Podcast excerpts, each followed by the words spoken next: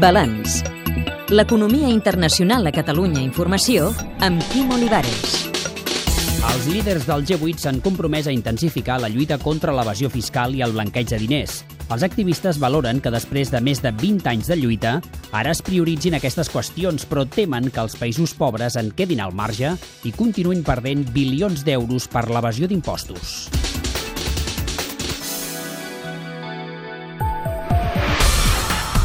Una de les promeses principals del G8 és l'obligació de bescanviar informació fiscal entre estats. El reconeixement que hi ha d'haver un mecanisme automàtic d'intercanvi d'informació que serveixi a tot el món. Ha estat la primera vegada que els líders mundials ho han dit de manera explícita. També és molt útil la idea que hi ha d'haver alguna mena de recopilació coherent d'informació sobre qui és el propietari real de les empreses. Saber el propietari real per evitar les anomenades empreses pantalla que, sense cap activitat, serveixen d'amagatall perquè els veritables amos evadeixin impostos. Qui sentíem era Nick Mathieson, membre de la Coalició per la Transparència Financera, a qui hem demanat que comenti les paraules del primer ministre David Cameron després del G8 d'Irlanda del Nord.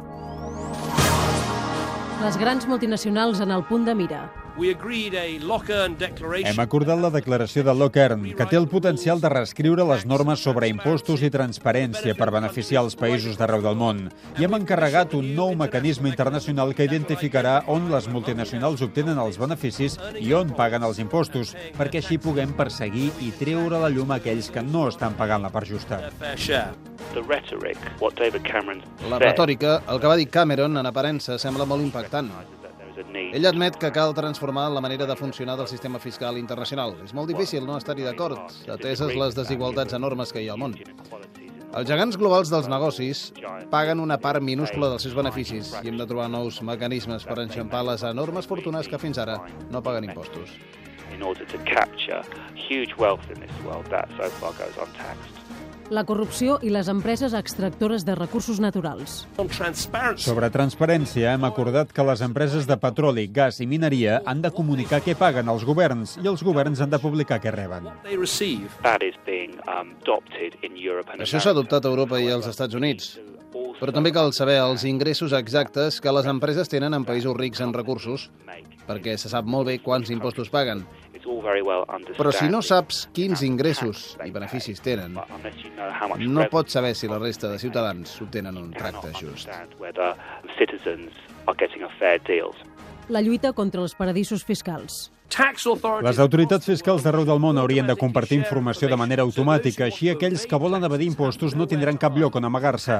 Els inspectors fiscals i la justícia haurien de poder obtenir la informació fàcilment, per exemple, amb registres centrals, així ningú podria evadir els impostos a través d'estructures complicades i inexistents. Sí, estic d'acord amb el que deia David Cameron. És difícil no estar-hi.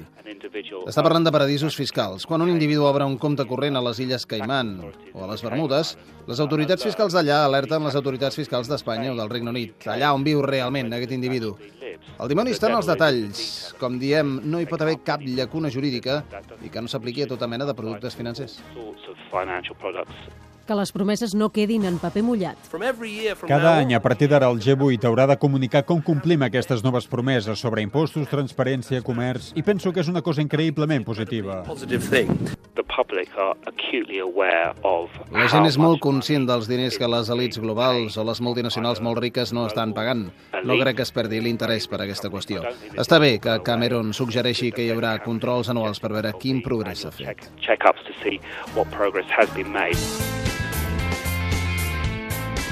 En plena època d'austeritat, Cameron es posa al capdavant de la lluita antifrau, però per Nick Mathieson, amb contradiccions.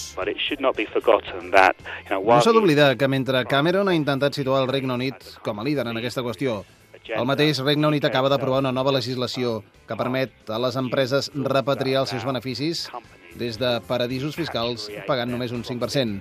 I hi ha una gran contradicció. There is a very big contradiction.